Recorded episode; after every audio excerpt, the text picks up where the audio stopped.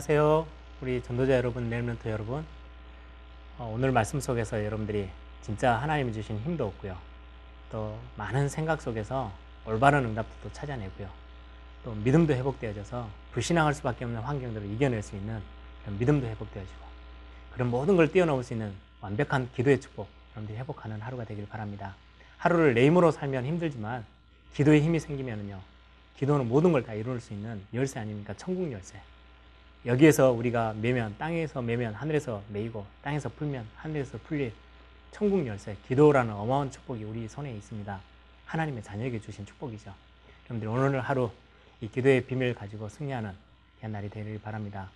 우리가 요즘 계속 지금 오늘의 말씀, 오늘의 기도, 오늘의 전도 찾아내는데 어제는 우리 오늘의 말씀에 대한 많은 것들을 생각도 하고 어, 그 속에서 많은 게 다 나오죠.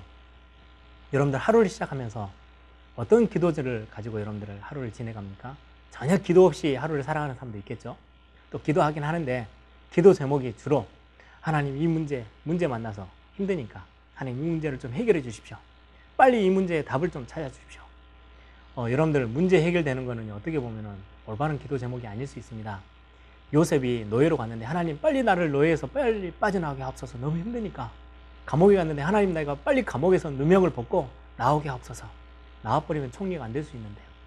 노예로 간 게 하나님의 방법인데 그 속에서 내가 여기서 승리할 수 있는 하나님 왜 나를 여기에 보내셨는지 하나님의 계획과 이 환경을 능히 이겨내고 여기서 많은 응답을 찾을 수 있는 영적인 힘을 나에게 허락하시고 이곳에 하나님의 나라 임하게 하옵소서. 이게 어떻게 보면 훨씬 바른 기도일 수 있습니다. 근데 그런 오늘의 기도 어떤 기도의 제목을 갖고 있고 어떤 기도로 여러분들이 하루를 시작하고 또 마무리하는지 굉장히 중요하겠죠. 이걸 여러분들이 놓치지 않고요. 매일매일 찾아내는 게 오늘의 기도입니다. 특히 하나님의 나라. 예수님이 마지막 40일 동안요. 하나님의 나라에 대한 많은 비밀을 알려주셨잖아요. 여러분들 기도 제목이요. 하나님의 나라가 된다면 여러분들 매일매일 하루 응답 속으로 들어가게 될 것입니다. 하나님의 나라라고 했을 때는요. 성부, 성자, 성령 하나님. 하나님 우리에게 굉장히 중요한 복음, 이 복음이 성취되어지고 이 복음 받은 사람을요. 날마다 인도하시는 또 힘을 주시는 성령 하나님의 충만함, 인도하심, 내주하심. 이게요. 다 들어있는 단어예요. 하나님의 나라. 또 하나님의 나라라는 단어 안에는요. 우리가 이 땅 살아가고 있고요. 앞으로 천국 가겠지만 이 땅에 하늘 군대들이 우리를 통해서요. 많은 심부름하는 그 축복도 우리가 받을 수 있는 게 하나님의 나라입니다. 이 땅 살아가지만 흑암 권세들을 완전히 결박할 수 있는 권세까지도 우리에게 주셨어요. 하나님의 자녀가 되는 권세를 주셨다. 이건 누리는 게 하나님의 나라예요. 그런데 그래서 기도 제목으로 여러분들의 직장이든 우리 학교든 우리의 가정이든 문제가 있든 없든 어렵든 힘들지 않든 이곳에 하나님의 나라에 임하게 하옵소서. 굉장히 중요한 기도가 되어지고요. 이 기도 속에는 완벽한 응답이 다 준비되어 있습니다. 저와 여러분이 오늘 이 기도 속에서 오늘 제목처럼요. 황금 어장을 찾는 길. 황금 어장이란 말은 모든 응답 다 담겨져 있는 건데 우리가 못 보고 있는데 그걸 발견한다면 어마어마하겠죠. 내 개인의 황금 어장, 내 현장의 황금 어장, 내 인생의 황금 어장, 이 시대의 황금 어장 다 찾아낼 수 있겠죠. 이 황금 어장을 찾는 길. 그런데 기도 속에서 발견하는 축복이 있기를 바랍니다. 오늘 본문은 사도행전 16장 11절에서 15절입니다. 굉장히 바울팀이 중요한 황금 어장을 찾아냈죠. 11절입니다.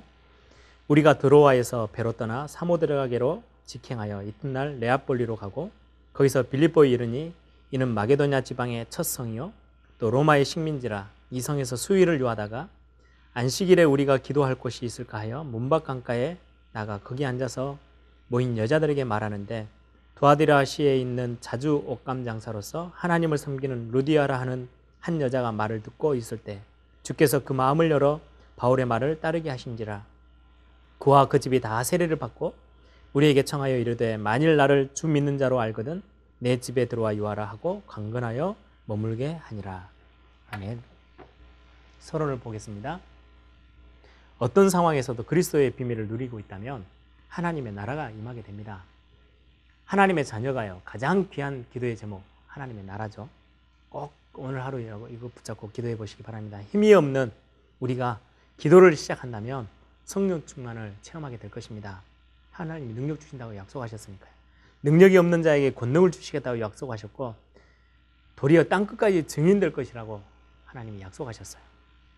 초대교회가 이 언약을 붙잡고 11일간 전혀 기도에 힘썼는데 성경에 오로지 기도에 힘썼는데 하나님은 어마어마한 황금 어장의 문, 응답이 쌓여 있는 그 어장을 보여주시고 문을 열어주셨죠.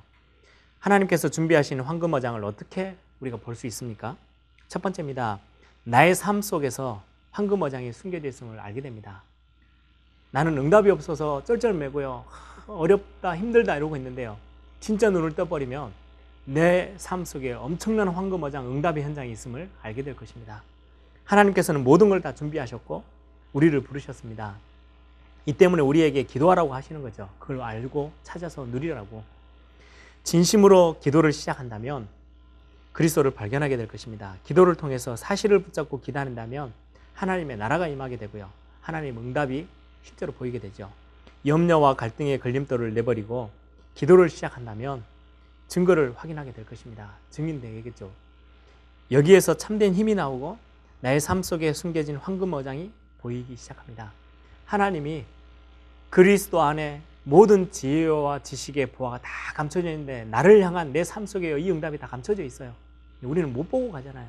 하나님 다 준비해 놓으셨는데 모든 것을 다 우리의 과거, 현재, 미래 속에 그러면 우리가 조금만 기도를 시작하면요. 내 삶에 내 모든 생각과 내 마음 가운데 내 발걸음 움직이는 곳마다 하나님의 나라가 임하고 성령의 충만함이 주어지도록 기도하기 시작하면 기도만 하면 이 응답은 보여지게 돼요. 황금회장 찾는 비밀입니다. 두 번째입니다. 막힌 곳, 응답이 없어 보이고요. 다 앞뒤가 다 막혀 있고 사방팔방이 다 막혀 있는 것처럼 보이는 그곳에 황금 어장이 기다리고 있습니다. 무슨 말입니까? 길이 막힌 곳에 황금 어장이 기다리고 있습니다. 전도의 문이 막혀 기도하던 바울에게 하나님께서는 빌립보뿐만 아니라 마게도냐, 로마까지 복음할 수 있는 굉장한 황금 어장을 보여주셨죠. 문이 막힌 줄 알았는데 하나님은 마게도냐를 준비하셨습니다. 우리는 문이 막혔다고 착각을 버려야 합니다. 문제를 당하더라도 언약을 붙잡고 기도한다면 황금어장이 준비되어 있음을 보게 될 것입니다. 소아시아 가는 수 있는 가려고 계획을 잡고 가는데요. 전도하러 가는데 문이 막혔어요. 우리는 흑암 세력이 이 문을 막아버린 흑암 세력은 무너지어라 막 기도하고 막 흑암은 떠나가라 사단은 물러가라 막 난리를 치는데 아니요 그 속에 하나님의 완벽한 계획이 있었어요. 문이 막힐 때 조금만 기도하면 됩니다. 오늘 바울이요 바울 전도팀이 가다가 문이 막혔을 때 애쓴 게 아니고 조금 애쓰다가 아니다 기도하러 무릎을 꿇었어요. 기도할 때 하나님은 모든 황금어장의 문을 다 여셨죠. 꼭 열쇠를 키를 기억해야 돼요. 응답받는 비밀, 황금어장을 볼 수 있는 비밀. 세 번째입니다. 작은 만남 속에 황금어장을 보게 됩니다. 드로아에서 문이 막힌 바울이 기도를 시작하자마자 하나님께서 마게도냐 쪽으로 문을 여신 것을 보게 되죠. 그리고는 마게도냐 가는 길인 빌립보를 가게 되는데 거기서 기도할 곳을 또 찾다가 사도행전 16장 13절 굉장히 중요하죠. 하나님께서 준비해 놓으신 루디아를 만나게 됩니다. 이 만남 통해 빌립보의 교회가 세워졌고 하나님은 만남을 통해서 중요한 황금모장을 다 여십니다. 여러분 어, 아나니아가 사도행전 9장 10절에요. 기도하고 있는데 하나님이 어마어마한 황금어장 이 열쇠가 되어지는 바울을 하나님 붙이시잖아요. 그럼 바울이 뭘 배웠겠습니까? 아, 기도하면 되는구나. 그래서 바울이 선교사로 파송될 때 사도행전 13장 1절에서 4절 기도하잖아요. 금식하며 성령이 더 받기 위해서. 그러다 가는 중에 문이 막혔어요. 오늘 본문입니다. 문이 막혔을 때 기도하다가 마게도냐를 찾게 되고요. 마게도냐 가서 또 기도하는 곳을 가다가 루디아 만나고요. 또 기도하는 곳을 가다가 기도하러 가다가 귀신 들릴 여종을 만나서요. 그를 치료하고 또 많은 응답을 찾죠. 그러다가 또 감옥에 들어갔습니다. 거기서 찬송하고 기도하다가 간수와 간수의 가정 그래서 그게 다 연결돼 가지고 빌립보의 교회가 세워져요. 어마어마한 응답이죠. 기도하러 가다가 기도하는 곳에서 초대교회가 언약 붙잡고요. 전혀 기도에 힘쓰다가 여러분들은 오늘 오늘의 기도가 바로 이런 응답이 기다리고 있습니다. 저와 여러분이 꼭 붙잡고 큰 힘을 얻게 되길 바랍니다. 포럼의 주제입니다. 나의 삶 속에 황금어장을 가로막는 걸림돌이 무엇일까요? 거의 기도 안 하는 거죠. 이걸 여러분들이 빨리 좀 고쳐보기를 바랍니다.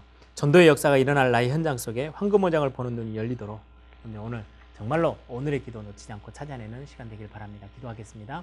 좋으신 아버지 하나님, 하나님이 우리 앞에 완전한 응답, 최고의 황금어장들 다 준비해 놓으셨는데 우리는 기도가 없어서 기도하지 못해서 이걸 보지도 못하고 발견도 못하고 우리의 문제 속에 그냥 많은 낙심하며 주저앉아 있을 때가 너무 많습니다.